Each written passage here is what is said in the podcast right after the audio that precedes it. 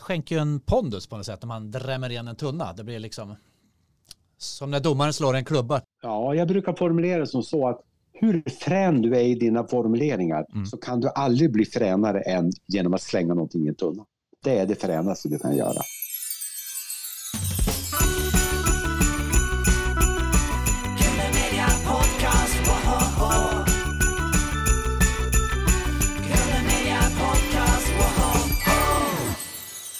Välkomna till Gröna Podcast med mig Jakob Ols.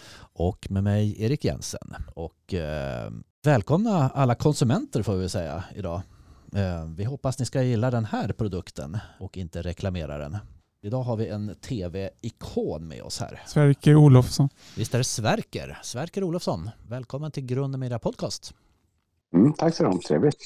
Från Umeå. På länk. Nej, Nej. nej, det där är viktigt. Ja. Det är alltså, jag befinner mig just nu och jag bor på ett ställe som heter. Och. Vännäsby det ligger 25 kilometer ganska rakt väst ifrån Umeå. Ja. Och den här samhället som jag bor i liten, är inte så liten, en fin by ska jag säga. Den ligger precis i klykan brukar jag säga. Mm. Där Vindelälven och Umeälven flyter ut. Åh, Det är där jag bor. vackert. Mm, mycket vackert, mycket vackert. Hur är läget med dig idag Sverker Olofsson? Det är mycket bra faktiskt. Det är riktigt, riktigt bra. Förutom att jag är lite förkyld, men det tycker jag man behöver inte räkna nu för tiden. Ja. Men det är bra. Livet är fint. Det är en vacker höstdag här uppe. Ja. Löven ligger som ett grönt täcke över gräsmattan. Och, ja, det är fint och mycket bra. Är det stilla pensionärsliv nu då? Eller är det ett väldigt aktivt pensionärsliv? Ja, ja, det är väl någonstans mitt emellan. Ja. Ja, Det är inte ett stilla pensionärsliv utan, Mm. utan det, jag, jag tar på mig rätt mycket uppdrag. Jag tar på mig att moderera konferenser och jag Mm. eh, har, alltså faktum är att jag jobbar tillsammans med en kompis i Stockholm, rätt, inte mycket men en del med, med, med lite utbildning, alltså sådana grejer att vi har intervjukurser i Foyos regi för gamla kollegor. Och Aha. sen skriver jag lite, inga märkvärdigheter men Mm. jag brukar tänka så här att man ska alltid ha någonting att läsa in sig på. Mm. Jag tänker så här, är du mentor också för eh, journalister och så här som... Nej, det är jag inte. Men det, det är jag egentligen inte. Men det är inte ovanligt att någon ringer och. Kollar av lite vad jag tycker och sådär. Och det är väl Mm. kanske någon form av mentorskap. Men jag är inte mentor i så att säga Mm. organiserad mening. Det är jag inte. Mm. Jag har det med andra ord jävligt bra. Jag har det riktigt, riktigt bra. Förstår du? Underbart att höra. Mm. När jag hörde av mig till dig senast så stod du i kön hos Clas Olsson där och handlade. Ja, det är jag ofta. Det kan jag. Alltså, jag- alltså, jag, inte, men jag säger så lite fel, men jag gillar den typen av butiker för jag gillar att greja med saker. Jag gillar att bygga och måla och Mm. skruva och hålla på. Så jag håller på med. Så jag är ofta på Clas Ohlson med Jula och Biltema och de där butikerna. Det är jag Mm. faktiskt. Känner de igen dig på Clas Olsson? Ja, det gör de faktiskt. Alltså. Det, det, det, det gör de faktiskt. Och det, beror, det, det beror nog mest på att jag är där ganska ofta. Det, när Ja. jag kommer dit så blir det ofta att jag snackar med någon expedit där om hur hans robotgräsklippare fungerar och lite sådana där saker. Brukar du Jakob gå på Clas Ohlson? Ibland. Ja, men spontant kan man tänka så här, när du kommer in i en butik, ehm, vad får man för reaktioner om man nu har lett Sveriges eh, absolut skarpaste konsumentprogram i 23 år? Eh, Ja, jag kan säga numera får jag inte så mycket reaktioner, men under tiden jag ledde programmet då Ja. fick jag mycket reaktioner. Ja. Och jag fick liksom väldigt trevliga reaktioner på det sättet att för det mesta så hade någon butiksägare eller någonting sådär lust att prata med mig om eh, problem i branschen. Förstår du? För att Ja. de var så att säga själv inte så förtjust i problem i branschen. Nej. För livet är ju ändå sånt att de flesta av oss är jävligt hederliga människor Ja, naturligtvis. ja. Och, och, och då när de känner att man blir indragen i någonting som inte är riktigt schysst, då ogillar man det. Och det pra- pratar de på den tiden väldigt gärna med mig också. Så att säga. ja. Men, men det var ju på den tiden, det är ju väldigt många år sedan nu. Nu tror jag de flesta fullständigt struntar i att jag kom in i en butik. Mm. Det tror jag. Ja, det var ju några år sedan där. Alltså, vi, får Ja. säga, vi, vi saknar ju dig i rutan. Den här så att säga, rättframma, rättframma stämman. Ja, jo, men det var, det var en väldigt... Mm. eh, Det var, väl, det var jag väl kanske mest nöjd med av allting i, i, i det där programmet. Att det var en, det var en väldigt tydlig journalistik. Jag höll på att säga, det är svart och vitt och det låter lite dystert, men det var verkligen Mm. Vi försökte verkligen att hålla oss till den svartvita linjen. En hade varit bra eller också var det inte så jävla bra. Det var liksom inte något kanske och möjligen och jag undrar utan vi försökte att vara tydliga Ja, faktiskt. ja, jag tycker det var alltså, public service när det är som bäst. Ja, ja, det är bra du säger det för det tyckte jag också. På konsumenternas sida också. Och det var ganska roligt för jag märkte ju det att det var faktiskt väldigt mycket ungdomar som tittade på det där programmet. Det var väldigt Mm. vanligt att ungdomar, kanske till, ja, tonåringar, Mm. Kom fram till mig och hade synpunkter. Och där tror jag egentligen att tunnan var grejen. Jag tror att tunnan var grejen. Det Jag tyckte en- det var jävla fränt när man slängde någonting i tunnan helt enkelt. Ja, gud ja. Den kommer vi till kan jag säga. Saknar du göra, göra tv? Ja, det gör jag. Det gör jag verkligen. Men det är så här vet du att jag tyckte att göra tv, det- var verkligen en av ljuspunkterna i livet. Jag tyckte det var helt underbart att göra tv. Men samtidigt så är jag en sån människa som, jag vet mycket väl att var sak har sin tid. Så det är inte så att jag går omkring och sörjer det nu, det gör jag verkligen inte. Utan var sak har sin tid. Det var en jävla härlig period och jag saknar den väldigt mycket. Och egentligen så är det så att man kan säga jag saknar att göra tv, det gör jag. Men jag saknar också lika mycket eh, kollegorna. För det är Ja. klart att i den där typen av journalistik var det väldigt nödvändigt att vi höll tätt samman och vi backade upp varandra och sånt där. För jag menar, det, det kanske ni förstår att det var ju en jädra massa bråk i det där programmet. Ja, just Och hur det. den är bråk är inte så kul. Då gäller det att liksom ha någon att luta sig mot. Och jag hade mina kollegor att luta mot och jag tror att de hade också kollegor att luta, luta sig mot. Jag kan verkligen tänka mig det. gäller att stå pall där f- när man, man gick hårt mot hårt med, med oseriösa Ja, försäljare och så vidare. Eh, hade ni debriefing nästan så här så att man fick uh, ha efter? Ja, ibland kunde det vara lite åt det hållet. Och vi sa alltid åt varandra så här att är det något som du tycker är väldigt, är det något telefonsamtal du tycker är väldigt otrevligt att ringa, då kanske någon annan kan göra det åt dig. Så då. Vi förstår, vi bytte lite tjänster sådär. Vi var, det var helt enkelt schyssta människor och vi försökte vara schyssta mot varandra. Mm. Var det en barndomsdröm att jobba på Sveriges Television? Nej, absolut inte. Min barndomsdröm, alltså min första barndomsdröm, det var att bli lokförare. Jaha. Men sen kan man säga när jag liksom blev lite mer mogen, då var verkligen min dröm under väldigt, väldigt många år, det var att bli lärare. Men det blev liksom inte det för att radio och tv kom emellan så att säga. Och det, och det är ingenting jag är ledsen för, men jag menar det var verkligen ingenting jag gick och drömde om. Apropå lokförare, Västerbotten har ju fostrat en annan eh, tv-profil som också dubbelarbetare som lokförare. Kommer du ihåg vem det var Jakob? Eh, Bengt Andersson. Ja, Bengt Andersson Bengt ja. Andersson. ja. Bengt Andersson. Ja, men han var ju jävligt kul. Han var ju lokförare också. Det är sant. Lokförare och så här, lokalrevyartist. Varför blev det just konsumentjournalistik då? Ja, men det där, var, det, där, det där var väldigt, väldigt speciellt. För egentligen var jag, jag jobbade några år på Sveriges Radio först och sen Sveriges Television. Och jag var väldigt inriktad på liksom tyngre industrifrågor. Jag jobbade väldigt mycket med skogsindustri och skogsbruksfrågor. Mhm. Men då fick Umeå uppdrag att vi skulle göra ett konsument och privatekonomiskt program. Och på den tiden, nu pratar vi alltså mitten av 80-talet, Mm. då var det liksom inget tjafs, det var liksom inget casting och det var liksom inte något sånt här. Det var en chef som sa det åt mig. Du ska vara programledare i plus. Och jag tänkte, men helvete det ska också vara hemskt. Ska jag vara, det är ju ett sånt här kastrullprogram så att säga. Men, och det, jag fattade liksom inte alls då vilket genomslag det fick. Men så blev det och jag har aldrig ångrat att jag hade en chef som förstod att det var en bra grej för mig. Lyckträff där. alltså, Ja, det var en lyckoträff i allra högsta grad. Eh, hur kom plus till?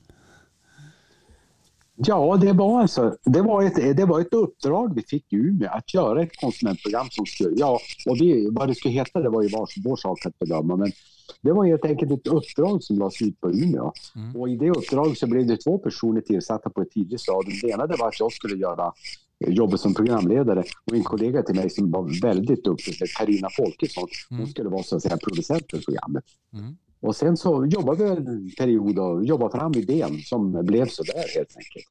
Kommer du ihåg det där första programmet hösten 87 var det väl ni startade? Ja, lite, lite grann sådär. Ja. Jag, brukar, jag har ju sett det här programmet någon gång efteråt. Jag brukar tänka så här, har det inte kunnat vara någon som har talat om för mig att jag skulle haft en annan tröja till exempel? För det var en urfånig tröja. Och sen när jag hör det första programmet så jag hör ju verkligen Ja. att det var första programmet. Det var, ett, det var trevande steg framåt. Det var, eh, det var en, det var en mild och ängslig röst. Alltså det var mycket som inte var som jag ville att det skulle vara, det Ja. måste jag säga. Men, men vi tog oss ju fram igenom det och så småningom började vi hitta formen och det blev bättre och bättre. Det kan jag tycka faktiskt. Du hade ju 23 år på dig här att slipa Ja. det där så att säga. Så det är Ja, en 23 år. enorm Jo, det är klart att långkörare. Man kan, man kan ju säga så här och det var väl kanske, det kanske var en av mina styrkor. Att jag fick eh, köra det där i 23 år. Att jag inte började gneta om att jag behövde göra något annat, att det var tråkigt. För det är klart att Mm. antalet år ger också respekt i ämnesområdet. Verkligen. Förstår du vad jag menar? Ja, Det är klart att eh, när jag efter har kört det där i 15-20 år, då, då hade jag pondus i frågan om jag uttrycker mig så. ja. Vad tyckte tittarna? Ja, alltså, från början var de väl inte så jävla entusiastiska och det hände väl också att vi fick någon riktigt dålig recension sådär.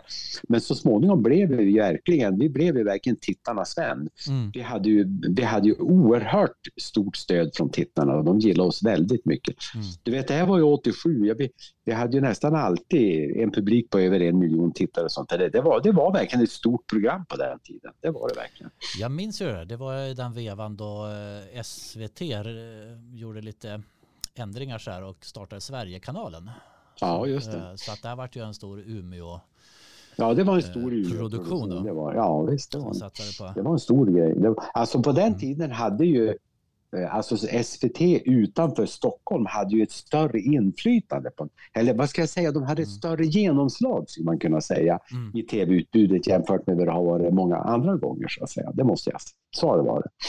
Du hade en väldigt rättfram och orädd stil som du slipade Ja. fram där. Och det, var, och det var ju redan Ja. från början så här, jag minns ju, det var inga onödiga krusiduller. Det var vignettmusik och sen gick du in och du sa inte ens god kväll. Nej, men det, var, det var en policybeslut vi hade Ja. kan man säga. Du bara körde. Att det skulle inte, och det byggde nog väldigt mycket på att när vi började köra plus så var det liksom ingen som visste hur jag skulle funka som programledare. Mm. Så vi bestämde det, det var ett policybeslut. Det skulle inte vara något trams i början och slutet av program, Mm. utan rakt på och bara innehåll och aldrig ett leende.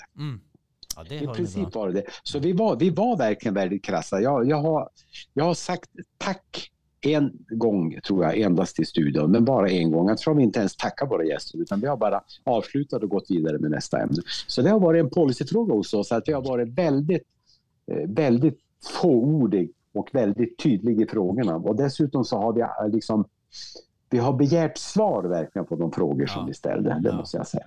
Det där är jag jävligt nöjd med. Kan jag. Det ska du vara. Mm. Vem sa ni tack till? Det var jag nyfiken på. Det. Jo, men det är lite spännande, för det var faktiskt ett redaktionellt beslut. Nu ska vi faktiskt säga tack. För det fanns ju, det här är ju långt före er tid, men det fanns en konsumentjournalist som var verkligen the grand old lady och det var Charlotte Reimersson. Just det. Mm. Och den kvinnan, Charlotte Reimersson, hon var upp på besök hos oss en gång för att prata om en bok han hade skrivit om begravningskostnader. Mm. Och då sa vi, vi måste ju visa Charlotte respekt och vördnad för hon är ju en förebild som vi Mm. aldrig kommer att nå. Och då sa vi, då sa vi alltså, tack så mycket för att du kom. Ja, det var... Det låter jävligt lustigt, men på, det var en stor grej för oss. Och det var ingenting som jag kom på. Det var ett beslut vi tog på redaktion. Att säga tack, det var en stor sak för oss. Ja, för vi sa aldrig tack.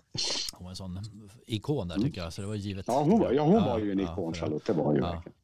Vi kommer ju inte ifrån vissa attribut ändå som, Ja. som gjorde programmet. Och det är Ja. faktiskt så här, vi har intervjuat Hans Waldenström, gamle TV2-hallåan i somras. Ja, här. just det. Ja, ja, ja. Hans har faktiskt en fråga till dig och det är,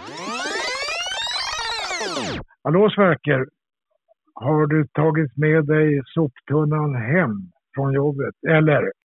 Ja, jag har ju det. Jag har ju tagit med mig soptunnan hem. Det har jag. ja, När vi, när vi pr- slutade den här programserien, då hade ju så jävla fina arbetskamrater och då ville de ge mig någonting som de visste betyder väldigt mycket för mig. Mm. Och det blev då att jag fick ta hem soptunnan som nu är min tv-bänk.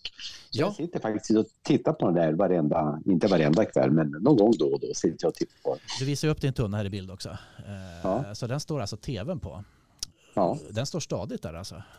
Den står stadigt där, det kan jag lugnt Ja, säga. ja, jättefin. Ja.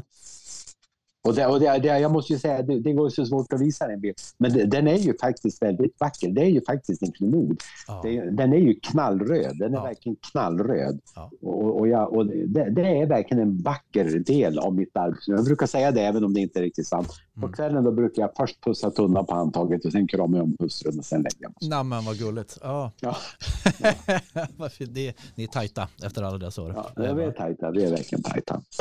Hur kom ni på idén med soptunna?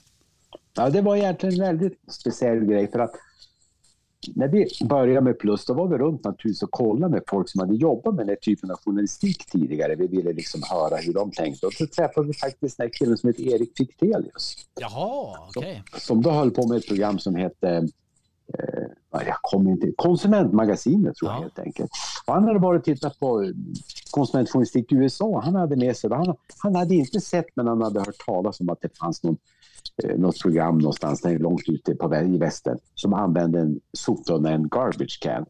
Så vi tog med oss den där idén hem alltså. Och, vi, och till sist så sa vi det att Alltså risken för att det blir extremt töntigt, den risken är väldigt stor. Men vi tänkte vi chansar. Och då var det nämligen så att den här typen av tunnor som jag pratade med, som det plåttunna, de fanns inte längre utan då hade man övergått till säckar och sånt där. Men Carina som jag berättade om tidigare, hon lyckades hitta en sån här tunna uppe på eh, gatuförvaltningen i Lycksele av alla ställen. Mm. Så då tog vi ner och började använda den här tunnan i studion. Men vi var alltså jädrigt oroliga för att den skulle upplevas mer töntig än som en bra idé. Mm. Så vi målade den beige och vi använde den bara i vartannat, kanske vart tredje program så det inte skulle bli så mycket eh, så det inte skulle bli så eh, livat då, utav den. Och då tänkte vi vi kan köra ut den eh, och på slutet. Vi kan skita i den i program 5, 6, 7, 8 om den inte funkar. Mm. Men det visade sig att det var ingenting som var så populärt i vårt program som tunna. Så, så vi målade den först efter det beigea, fick den vara giftgrön ett par år Mm. och sen målade vi den knallröd som den har varit i många, många år. Mm. Och sen fick den alltid ha en plats i studion. Längst fram i studion stod alltid soptunnan. Det gjorde. Och, och varje program slängde vi någonting i soptunnan. Det var, det, det var, det var liksom grejen. Det, är ju, det skänker ju en pondus på något sätt om man drämmer igen en tunna. Det blir liksom som när domaren slår en klubba. Ja, jag brukar formulera det som så att hur frän du är i dina formuleringar Mm. så kan du aldrig bli fränare än genom att slänga någonting i en tunna. Det är det fränaste du kan göra. Ja, ja, visst. Om plus hade funnits idag, vad har du slängt i tunnan? Ja, det, är väldigt, det är väldigt mycket som jag skulle ha slängt i tunnan idag. Kan jag, säga. jag kan säga att jag, är det någonting jag tycker är väldigt konstigt och om jag har lust att bli upprörd någon gång så är det just det att vi inte har ett sånt här konsumentprogram som Plus var Ja. eller åt det hållet. För att Ja. samhället som det ser ut idag det är verkligen mer cyniskt än någonsin eh, tidigare. Jag skulle Ja, kunna hitta ja. hur mycket som helst att slänga. Idag när du lånar en slant på de här myskofirmorna, då är det, om då räntan är 4 ja då är det förmodligen 4% per månad och inte per år. Mm. Du blir lockad av telefonförsäljare. Alltså Ja, det, är, det är så mycket skit i samhället idag att Mm. är det någon gång det här programmet borde finnas så är det just nu. För att inte tala om de ekonomiskt besvärliga tiderna. Ja. Det behöver ju en handledning, det behövs någon att hålla i handen. Ja. Och där borde plus ha varit. Eller plus borde inte vara det, men något motsvarande borde ha varit det. Är min bestämda uppfattning. Det där är jävligt dåligt att det inte finns i public service, det måste jag säga. kan verkligen hålla med. Vi har inte haft något riktigt liknande sen Plus la ner. Det är en märklig prioritering. Nej, egentligen har vi, alltså, vi har inget hos SVT, det finns ingenting i fyran, det finns egentligen väldigt dåligt i tidningarna. Alltså det är som att de vanliga människornas problem med ekonomi och sånt där, det struntar man i helt enkelt, känns det som, från mediernas sida. Och ändå är det väldigt populär journalistik. Det är märkligt, verkligen. Alltså, vi lever ju i bluffmakarnas tid. Ja, det gör, det gör vi verkligen.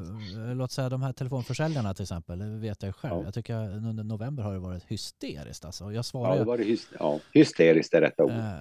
Och jag svarar ju aldrig på okända nummer, det har räddat mig. Liksom. Men, Nej, eh, men det där är också en jävla nackdel.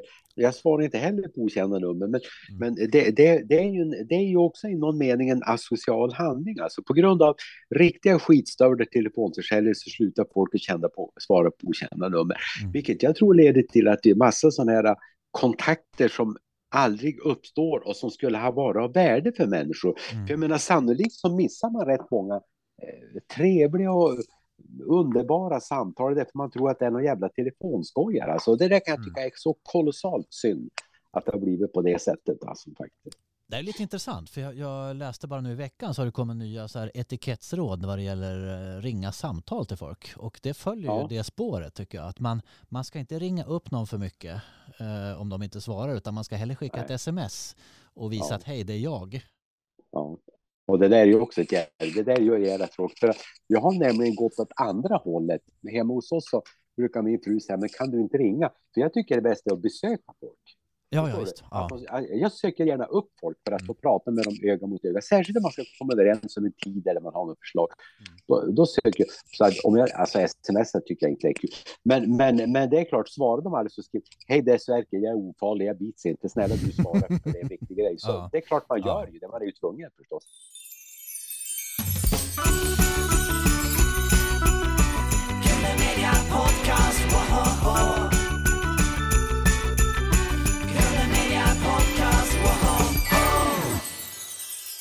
Jag fråga dig Jakob, brukar du se plus?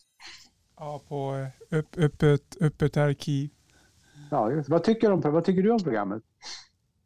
Bra. Ja, kul, kul, kul.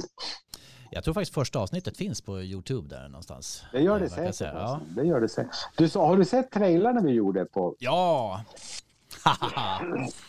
I högsta det grad. också, en- det var också en liten grej. Det var en kollega som heter Ola Gerhardsson som kom. Vi ska göra lite hjältetrailar. Vi som aldrig någonsin är roliga i programmet menar vi kan väl försöka vara lite roliga på sidan om programmet. Enormt roligt. de där trailarna. Det var att spela Zorro och Hulken och Fantomen. Var det din idé? Nej, det var verkligen inte min idé, utan det var, den idén kom från en kille som heter Ola Gerhardsson som var bildproducent. Och jag kan säga Zorro, den spelas in i ett sandtag uppe i Pengfors utanför Vännäs. Mm. Och Hulken, den spelas ut in, på en... Nej, Hulken! Hulken ja. Den, eh, ja, den spelas in i centrum i Umeå. Ja. Och eh, ja, så där var det. Var du svårövertalad till att göra det där? Nej, nej, nej. Sånt där tycker jag är jävligt roligt. Ja. Alltså. Nej, nej, verkligen inte. Sånt där älskar jag faktiskt, det gör jag. Var det svårt att rida på hästen när du var Zo- Zorro? Den där frågan tycker jag inte var riktigt rolig att besvara. För att Ja. just Zorro-ridningen, Ja. då hade vi en stuntryttare, en väldigt skicklig ryttare. Nu kan det sägas. Ja. Men, men då, alla de andra ridscenerna, de gjorde jag faktiskt. Nej, inte alla, men de flesta andra. Var du medveten om att du lurade konsumenterna där Sverker? Ja, ja, det var jag. Och det är det vi sa. Det var ju det vi sa. Alltså, att i programmet ska allt vara extremt strikt och ordentligt. Men i trailerna kan vi driva med oss själva lite grann och vara lite korkade. Ja. Däremot kan jag säga att jag har ridit i medeltidsrustning utanför muren i Visby som, som riddare. Så det, har, det har jag gjort. Så jag, jag, jag har ridit en hel del av de där ryttarna, men inte, inte alla. Det ska gudarna veta. Det får du berätta mer om. Ja, men vi, vi gjorde ju sådana här trailrar många, många år i rad. Och vid ett tillfälle så gjorde vi en trailer nere i Visby när vi, när vi så att säga spelade medeltid. Mm. Och då, då red jag en sån där fantastisk turné, turné, vad heter det? Turnerspelshäst. Ja. Ja, och då, då klädde jag på mig med full utrustning som här äh, metallkläder. Det var jävligt tungt alltså. Jag knappt tog sig upp på hästen. Men sen red jag där uppe efter den Ja. där, eh, alltså vad säger man, vallgravsmuren, alltså den den här jordvallen där- därefter. Det, det, var- det var en fantastisk ridning, det måste jag säga. Det var helt underbart. Ja, Det var väldigt roligt. De där trailarna fick en annan effekt som egentligen var väldigt rolig. De där gjordes ju för väldigt länge sedan nu. Men det fick den effekten att det har varit ett gäng på en 8-10 kollegor från SVT Umeå som varje vår eller höst Mm. åker iväg och rider den här. Jaha, okej. Och det, ja, det gjorde vi faktiskt nu också i, i, ja, i senare delen av augusti. Då var vi och red en Mm. lördagsömma. Ingen stuntman där då, utan då är det Nej, nej, det nej. Och då går det. Vi, Ja. vi började vara ganska duktiga Ja. så då går det undan där ibland. Underbart att höra. Vilket avsnitt är du mest nöjd med? När det gäller plus. Ja. Ja, vet du, jag kan, jag kan nästan inte svara det, om- det. Alltså, vi har gjort några grejer som är så fantastiska att jag nästan, när vi utvärderar dem dagen efter, att vi nästan har gråtit, måste jag säga. Åh, Och det är den här typen av grejer när människor som av olika skäl, och jag ser framför mig några sådana där exempel, Mm. av olika skäl är väldigt svaga Mm, och blir blåst på en väldig massa pengar. mm. Och vi lyckas tvinga fram en förändring. Ja. De gånger kände jag att det här var verkligen ett program som gjorde nytta. Och det var, det var rätt många gånger det där hände faktiskt. Alltså, och det är klart att det är de tillfällen jag känner speciell belåtenhet med, det måste jag ju säga. Mm. Tvärtom då, finns det något reportage som ni känner att aj, där gick vi på för hårt? Ja, jo, Mot företagaren. ja, och det där är, jo men så är det ju. Alltså, det kan jag säga, det tänkte jag nog ganska ofta. Alltså, jag kan inte säga att jag minns något reportage där vi gjorde fel, men däremot finns det klart ett reportage där jag tänkte, men är, det, är det relevant Mm. att kritisera ett program med över en miljon tittare i förhållande till vad det var? Förstår du? Bli, alltså, även om vi hade rätt Mm. och gjorde rätt Mm. så kunde man ibland fundera på, blev det för, alltså, blir det för mycket bara på grund av att det sker i det här programmet? För, förstår du? Jag menar, Ja. det kunde vara någon kemtvätt som har gjort ett jävla misstag med någon, någon grej som tvättas. Och då, Mm. Alltså var det relevant att göra det till en grej i plus? Så kunde jag tänka. Ja. Förstår du? Ja. För jag menar, det är klart det är ju skillnad på om, om, om, en, eh, om, om en bank eh, av någon anledning skulle lura folk på flera hundratusen. Nu, har det, nu säger jag inte att Mm. det var så. Mm. Jämfört med om det blir fel i en kemtvätt och folk Mm. skiter i att Mm. rätta till felet. Alltså, så där kunde jag tänka. Mm. Det var rätt, men var det relevant? Det kunde jag fundera på. Har, de, har du träffat på representanter för företag efteråt som har kommit och sagt att du hade rätt Sverker? Förlåt. Ja, det har jag gjort. Ja. Jag har faktiskt i ett tillfälle, det var riktigt obehagligt. Ja. Jag träffade en representant för ett företag som vi hade stoppat i tunnan två gånger. Men han var inte arg ändå. Han var ganska, han var ganska nöjd. Jag inte nöjd, men alltså han, jag tror han tyckte inte att det var så Mm. tokigt det vi hade gjort. Förstår du? Jag tänker så här när man står där under alla dessa år. Så, Ja. Och lyssna på de ansvariga som slingrar sig. Ja. Du måste ha fått mycket insikt i människans för- psyke. Jag har kanske inte tänkt på det på det sättet, men däremot får man en träning att tvinga folk att säga hur det är, Mm. så kan man ju säga. Mm. Men, men jag menar, ibland kan jag tänka så här, ja men det är, ja, är det så, ko- alltså de försöker komma undan sitt ansvar. Och det var det är ofta, alltså folk ljuger ju inte gärna utan man slingrar sig Mm. på något vis. Det tycker Mm. jag. Och jag tycker det är en skillnad där faktiskt. Mm. Vad är det roligaste som har hänt i sändning? Ja, jag vet inte, det hände så mycket roliga saker i sändning. Men jag menar, det kunde hända sådana saker som att, att man inte prickade tunnan när jag slängde någonting. Sådana grejer kunde hända. Det var ju, det var ju roligt förstås, men, men det var bara små. Du vet, det där programmet var så fruktansvärt väl repeterat. Ja. Att allting gick på räls. Det var, det var när vi visste exakt hur saker och ting skulle bli på något Ja. vis. Faktiskt, förstår ni. Tänker det måste ha blivit en fena på basket efter alla dessa år. Ja, lite grann. Jo, det, var, det, var, det är sant. Det är sant. Mindre, mindre korg bara. Så. Ja. Hur låter det när försäljare ringer dig då? Säger du nej direkt eller blir du då den här plusverker som Nej, men alltså, där, argumenterar? är och- lite, ja. där är jag ju en lite speciell Eller du kanske har nix? Nej, men alltså det sitter i fortfarande. Jag kan Mm. faktiskt tycka att det är lite kul när försäljare ringer. För jag Ja. börjar veta så exakt metoden. Så jag har ingenting emot det. Och, jag, och det är kanske miljömässigt inte riktigt försvarbart. Men jag skulle aldrig drömma om att säga nej till direktreklam. Jag tycker att det är roligt och Mm. jag vill fortfarande följa det där. Hur Mm. ser reklamen ut? Vad, säljer, sälj- eller vad säger säljarna och det där? Mm. Men jag, går all, jag skulle aldrig drömma om att köpa någonting över telefon. Alltså jag kan nog lugnt säga, jag skulle aldrig drömma om att köpa någonting där. Mm.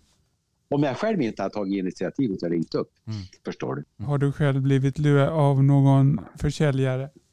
Nej, egentligen, egentligen inte det. Jag, jag är faktiskt. För du förstår Jakob att jobbet med Plus har gjort att jag lärt mig väldigt mycket. Mm. Jag kan inte säga att jag blivit lurad av någon försäljare. Mm. Jag har däremot gjort affärer som jag efteråt har ångrat.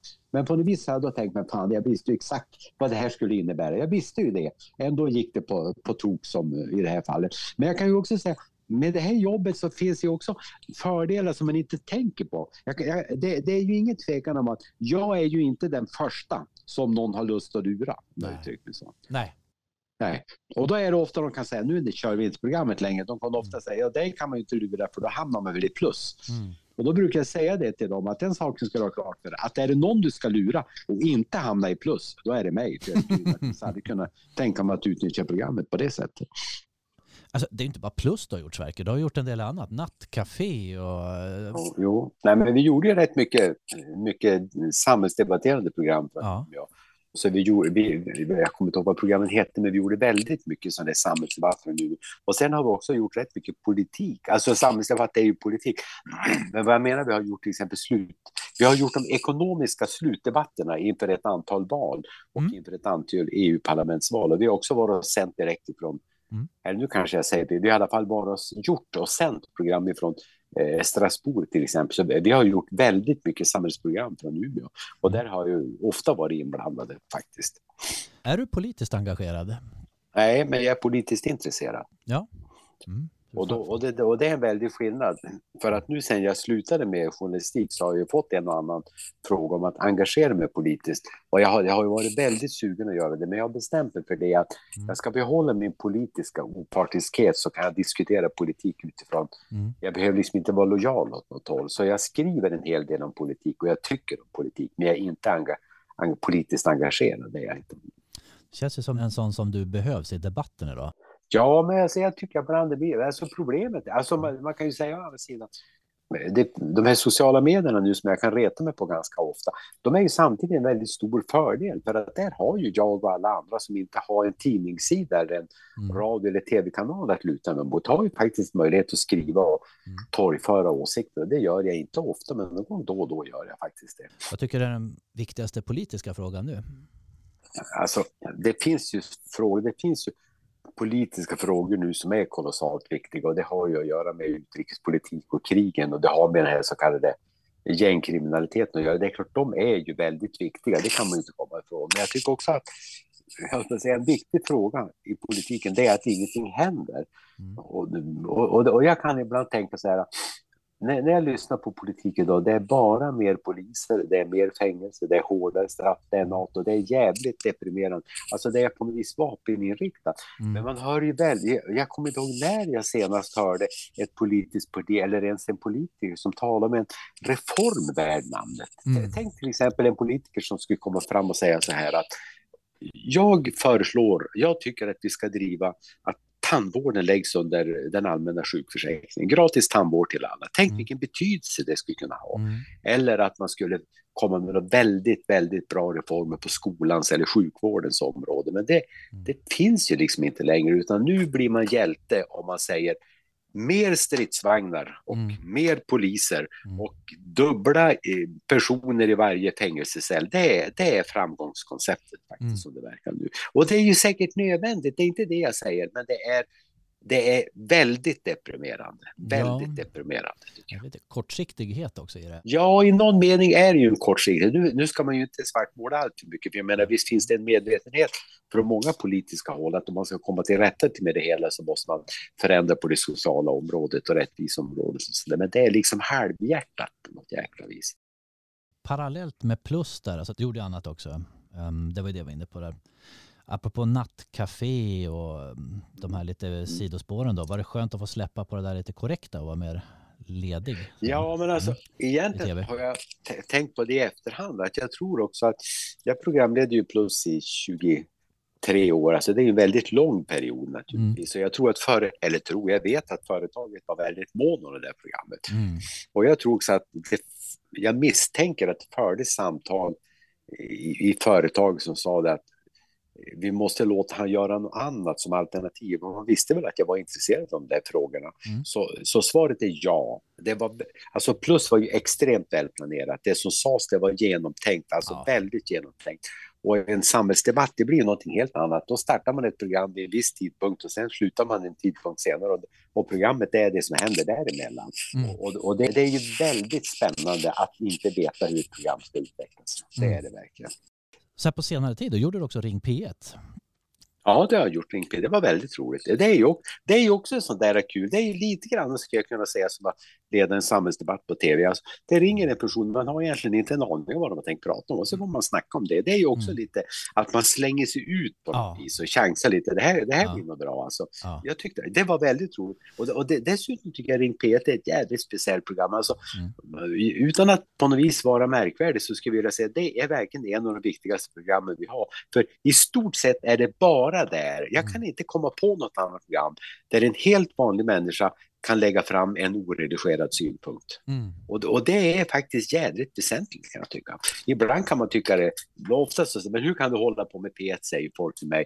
Där ringer alla tokgökar och jag hävdar liksom att det är inte alls tokigt. Det är vanliga jävla människor som har väldigt kloka synpunkter. Mm. Sen kanske man alla gånger inte riktigt skiljer på länsstyrelse och landsting och vad det kan vara, men det är ju oväsentligt i sammanhanget. Mm. Det är den vanliga människans åsikt. Och skulle politiken lyssna lite, lite mer på Ring P tror jag att politiken skulle bli populärare, måste jag säga.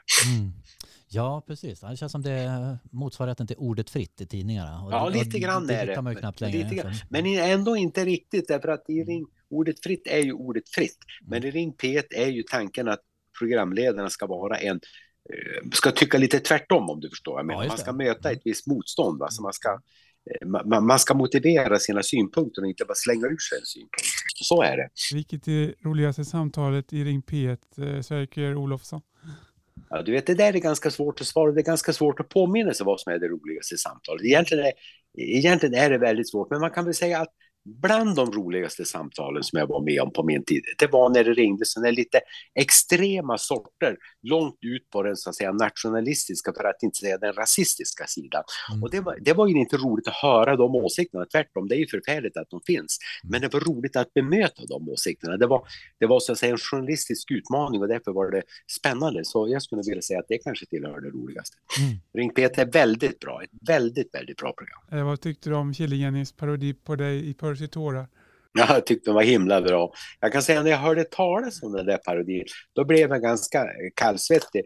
Därför att jag har ju sett, jag har ju sett dem göra parodier som är sanslöst elaka. Ja. Det, det har jag verkligen gjort. Men sen när jag såg den, då måste jag säga den var ju helt underbar. Därför att den var ju också elak, men det var ju en värme i den där parodin som Ja. gjorde att jag kände att jag, att jag hade dem ju med mig så att säga. Och, det, och det, jag kan lugnt säga att den grejen har betytt väldigt mycket för mig. För jag menar, jag tror att folk är mer medvetna om den grejen än vad de är om mig många gånger. Alltså, det, det var verkligen positivt för mig, den saken är klar.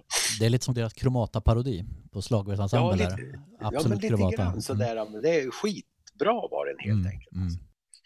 Dessutom var den ju jävligt välfångad på något sätt. Ja, ja, ja, visst. Jag, jag kan tänka när de gör det så här, hur länge har de suttit och tittat på mig då för att fånga lite gester och språk och sånt där. Det var jävligt proffsigt gjort tyckte jag faktiskt. Den är, jag är lite stolt över den helt enkelt. Ja, det kan det verkligen vara. Kör du den ibland då på så fester? Vet du vad jag tycker om dina jävla skitsaxar? Ja, nej, men jag gör ju inte det därför att det är lite självupptaget att köra. Men jag är ju ganska ofta med när vi har kurser och utbildningar. Ja. Att andra plockar upp den och kör den, då kan jag tycka det, jag kan tycka det är jädrigt roligt när de kör den där, det måste jag säga. När du går till frisören så här, jag vill ha en kvalitetsmässig lågprisfrisyr. Ja, men precis. Ja, ja nej, det var bra. Det där var kul, det var det. Verkligen Det kärlek i den. Ja.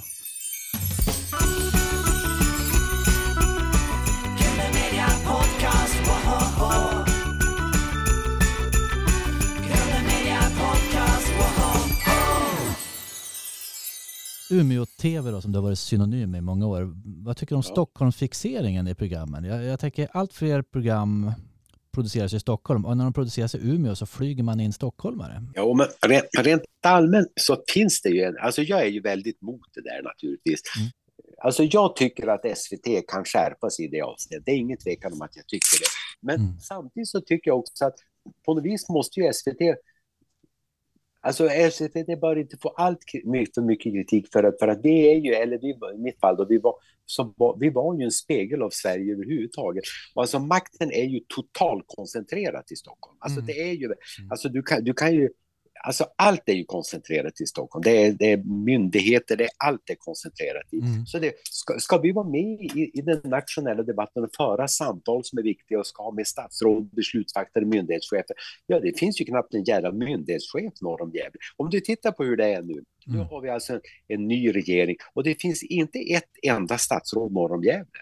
Nej. Trots att man säger att norra Sverige det är liksom framtiden med den gröna nyindustrialiseringen och allting som rullar på här uppe. Men inget statsråd är här uppifrån, förstår du? Mm. Och, och, och det där är naturligtvis förödande. Alltså vi har möjligheterna, men vi har inte makten. Nej. Och det är klart, det märks, det märks också i, i, i, i, i, radio och tv. Det får vi nog lov att leva. Men däremot så tycker jag att det kan vara en väldigt stor skillnad om en riktig Norrlandsreporter gör en intervju med ett statsråd jämfört med om en så att säga söderreporter gör ett intervju med statsråd. Man väljer andra frågor, man väljer andra ingångsvinklar och följdfrågor och sådana grejer. Man väljer kanske till och med andra ämnen. Ja, ett annat perspektiv liksom.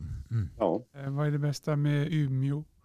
Ja, alltså vet du, det, kan, det är egentligen ganska enkelt att svara. Alltså Umeå är en extremt välförsedd storstad i litet format. Mm. Kan jag, säga. Mm. Jag, kan, jag kan lugnt säga det att det, alla filmer som kommer finns i Umeå. Det är ett extremt rikt, rikt kulturliv. Det är massor av musik och det är liksom en ung stad. Mm. Så jag skulle nog säga att Umeå är en det skulle jag nog säga, det är den perfekta staden. Och om man då som i mitt fall bor i Vännäs så blir det ännu bättre för då har man med 20 minuters eh, tid så har man tillgång till stan men man bor dessutom på en extremt vacker plats.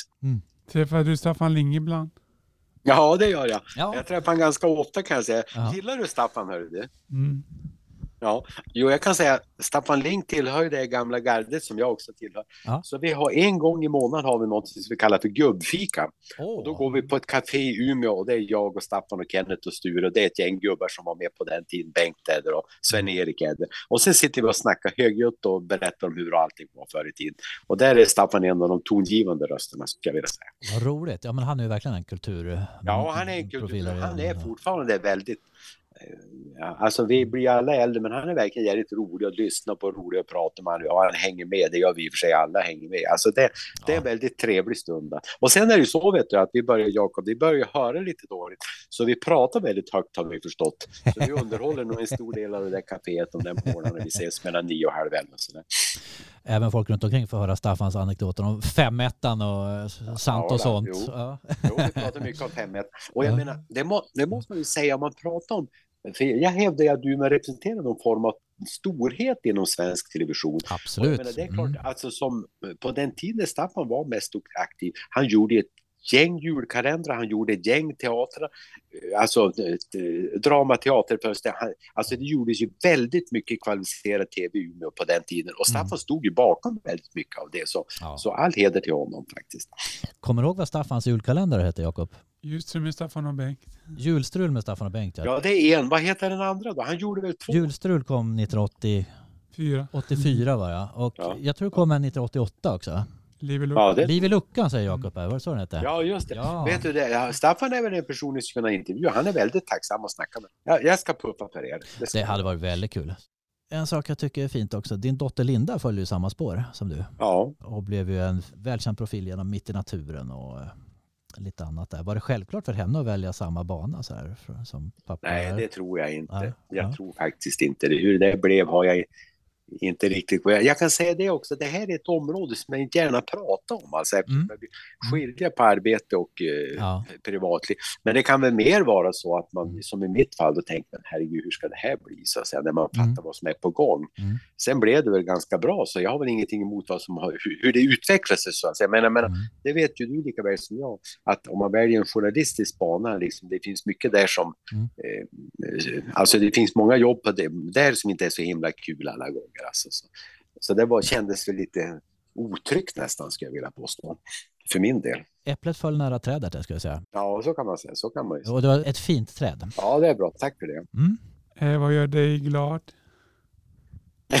ja, nästan allting uppriktigt sagt. Ja. Nästan allting gör mig. Idag har jag varit ute och skottat snö. Det har snöat ute helsike här uppe. Ja, Ja. då när jag skottar infarten och ser att det är fint, ja då blir jag väldigt glad. ja. Och sen när frugan tittar ut och tycker att det ser fint ut, ja då blir jag glad.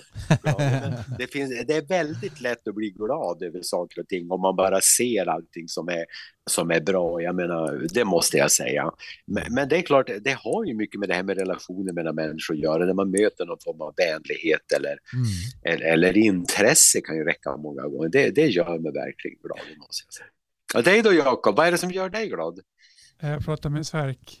Ja, ja men det är bra. Då fick jag ju bidra där. Det var ju trevligt. Har du någon gång fått frågan att bli nya konsumentombudsmannen? Nej, det har, jag, det har jag inte fått faktiskt. Och det, det tror jag eh, de är för klok för att fråga om. Det krävs en gedigen juridisk utbildning och sånt för att, för att göra det. Så det, det har jag inte fått. Men jag tror faktiskt å andra sidan att under tiden vi höll på som helst, jag tror Konsumentverket och eh, och så, jag blev tillfrågad en gång att delta i någon form av konsumentut, alltså en konsumentpolitisk utredning, men det gick ju inte eftersom jag jobbar inom public service naturligtvis. Mm. Men jag tror Konsumentverket var ganska nöjd att vi fanns där uppe och gjorde det här programmet. För Mm. man kan ju säga det att det var ju ett väldigt eh, det var ju ett ganska bra, jag tror ganska unikt bra samspel mellan oss som är tv-program och Konsumentverket som är statligt verk. Alltså vi hade väldigt mycket utbyte av varandra och Mm. kunde tipsa och få förslag. Och, och då kan man inte säga man kan inte säga att det var ett utbyte med verket utan det var ett utbyte med enskilda medarbetare förstås. Konsument, konsumentjournalistik är ju speciellt därför att det eh, det berör ju vanliga människor, men även konsumentpolitik är speciellt. Därför att det, den är ganska Mm. den är väl reglerad, men det finns inte så väldigt mycket eh, de har inte så mycket straff att ta till, utan ofta säger så att säga straffet att offentliggöra vad de tycker. Mm. Och där passar vi ju som hand i handske på något vis. Säkert har varit väldigt respekterad bland tittarna och så. Att det varit ett... Ja, jo, men du vet, sånt där har ju, det, det är ju roligt. Men vi var ju också som relation, vi var väldigt noga med att, eh, jag menar vi sa till varandra vet jag många gånger att när vi jobbar med den här frågan, tänk på att verkligheten är tillräckligt bra, man behöver inte, man behöver inte överdriva.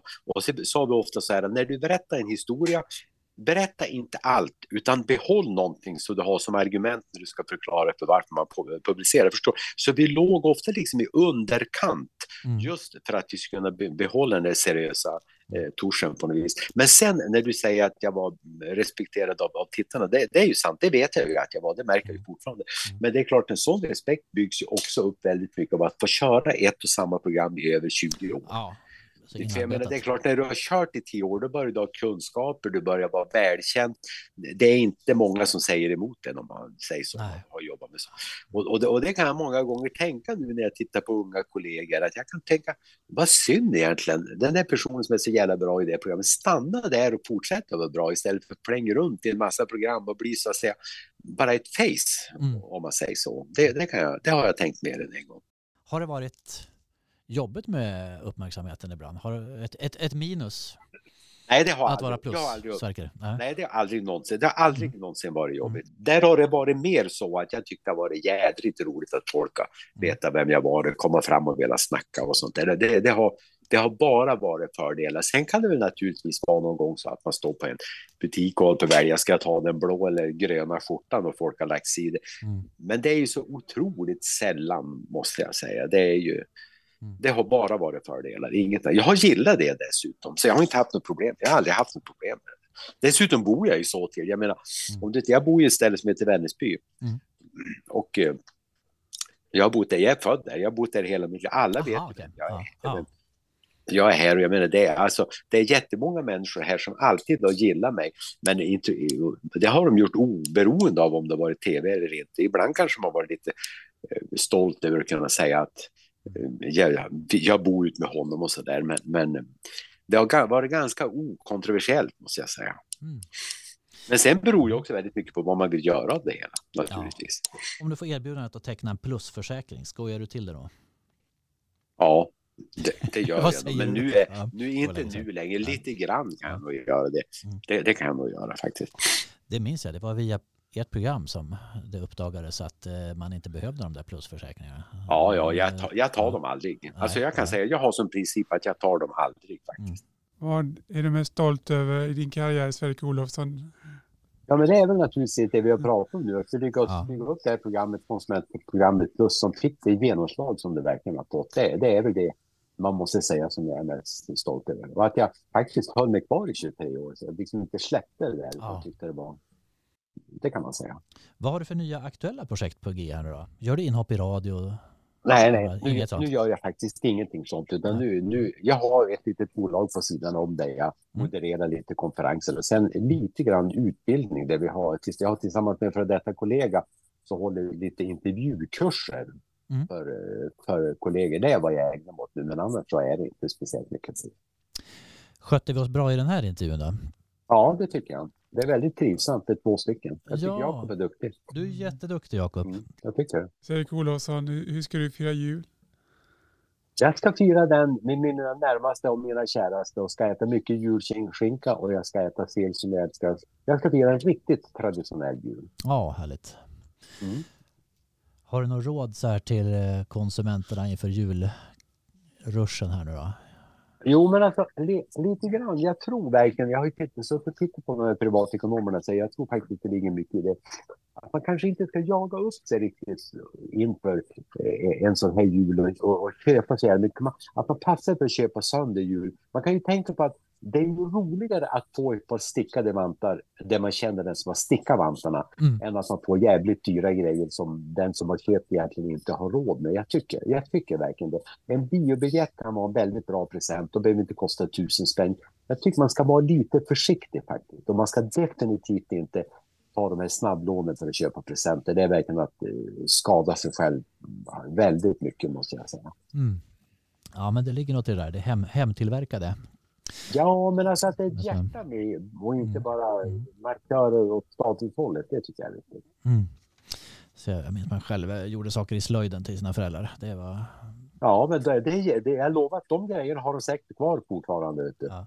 Eh, hur, ska, hur ska din dotter fira jul, eh, Li- Linda? Med mig. Ni firar tillsammans? Ja. Ja, ja, absolut. Hälsa så mycket. Ja, tack.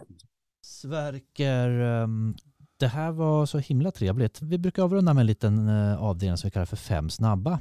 Mm. Fem snabba med Sverker Olofs. Är du beredd? Yes.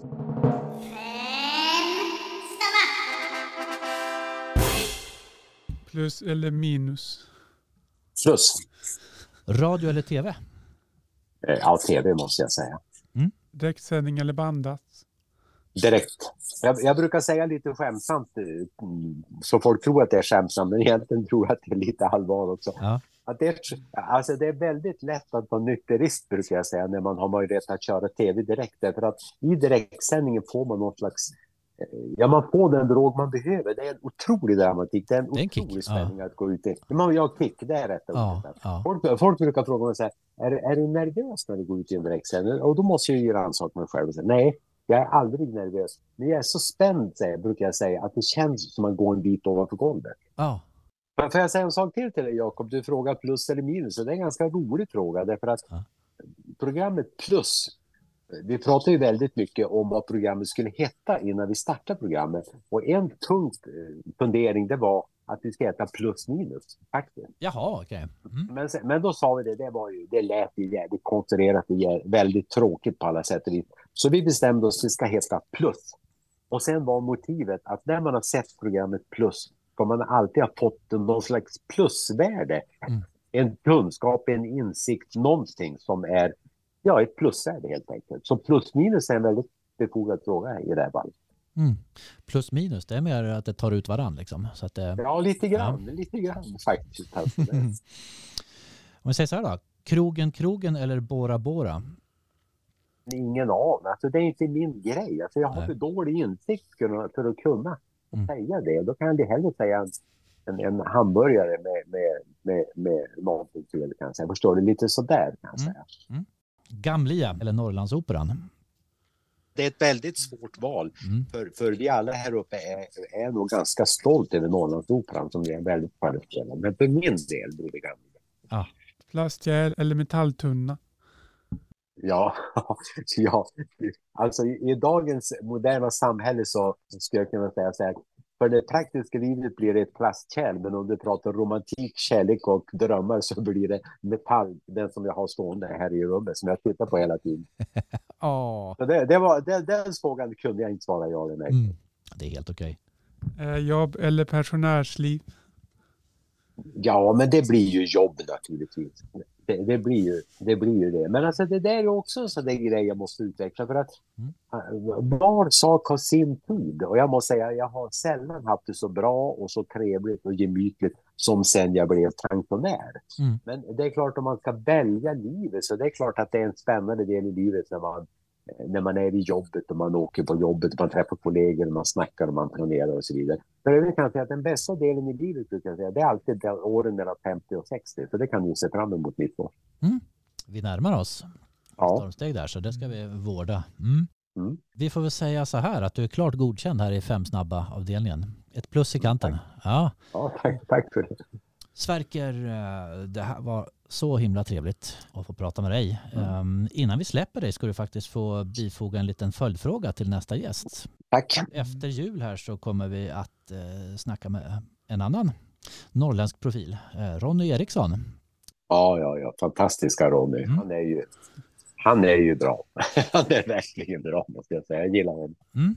Vad skulle jag fråga honom? Jo, så här är det. Och, alltså en förutsättning för att jag ska ställa en fråga till honom det är faktiskt att jag får ställa två frågor. Och Det är klart du får. Frågan som är, som är helt oväsentlig det är Har du nu efter alla dessa år samlat tillräckligt med mod för att hänga på ytterligare en ridning? Det är den första frågan. Och den andra frågan som jag egentligen är riktigt intresserad av att höra det är vad ser du för avigsidor i den gröna nyindustrialisering som rullar fram över norra Sverige? Det här har nog mycket spännande att säga tror jag. Mm. Vad fint. Det här är ridfrågan då. Var Ronny med på era rid? Ja, det var så fantastiskt Ja. roligt. För många år sedan så vi har ju ridit, vi har ju ridit. Det är ju som jag berättar för det. Vi åker ut en helg varje år och Ja. rider. Och det gjorde det även nu i år. Vi får se om det blir något gång. Man börjar bli så gammal. Ja. Men vid ett tillfälle var Ronny med Ja, och red. Och det var en fantastiskt trevlig helg på alla vis. Men jag kommer ihåg när, när han klev av hästen när vi kom fram. Då var han, var väldigt mörbultad och jag undrar om det inte till och med var så att benen inte riktigt bar honom så han satte sig på på rumpan när han klev. Och så sa, oj. så sa han då så här, men sa han någonting åt det här hållet. Skulle ni inte ett annat år kunna följa så fara och fiska eller någonting sånt där? Han var inte förtjust. Alltså han sa inte det, men min intryck det var att han hade nog varit rädd i stort sett hela den där helgen. Men det, det är min analys. Och därför så tycker jag det ska vara roligt att höra om han har kanske ska upp sig så följa med en gång. det här låter ju fantastiskt fint att få följa upp med Ronny. Ja, gör det. Eh, Ser hur, han, från hans perspektiv hur det var egentligen. Ja. Ja. Fina frågor. Mm. Mm, Den gröna industrialiseringen har nog en del att säga om också. Ronny är också en sån här röst man saknar i debatten lite. Ja, han, och sen är, sen är det ju lite kul det här. Han har ju lagt, han, han, alltså som norrlänning så Mm. kan man utan att vara eh, dum på något vis. Man, man kan ju, man kan, då kan man skämta med norrbottningarna Mm. och, och, och säga att, att det är lätt att hitta dem med lite depressiv läggning Mm. i Norrbotten. Och Så det är ju alldeles fel naturligtvis, men det är ett, ett skämt som man gärna kör. Och det, det är ju lite kul det här han har utvecklat. Han är ju egentligen känd som pessimistkonsult. Jajamän, ja, det stod ju till och Och med det är ju, det är ju jävla roligt. Alltså Ja. det står till och med. telefonkatalogen. Ja, det är jävla roligt. Ja. Alltså. Det är kul. Ja. Det tar vi med till Ronny. ja, gör det. Sverker, stort, Mm. stort varmt tack för att du ville vara med och eh, vaka in julen tillsammans med oss här. Ha en god sådan, Mm. säger vi. Och Mm. eh, Tack så mycket. sköt om dig och eh, Mm. lycka till med intervjukurser och annat, snöskottande och så vidare. Detsamma säger jag till er. Det var väldigt roligt att prata med er. Inte minst var det kul att träffa dig, Jakob. Ha det så bra. Hälsan Linda Särk. Ja, Ja, det, det, ska, jag, gärna- det ska jag gärna göra. Ja. Ha det gott Sverker, sköt om dig. Ha det gott. Tack ska ni ha. Hej då. Hej då.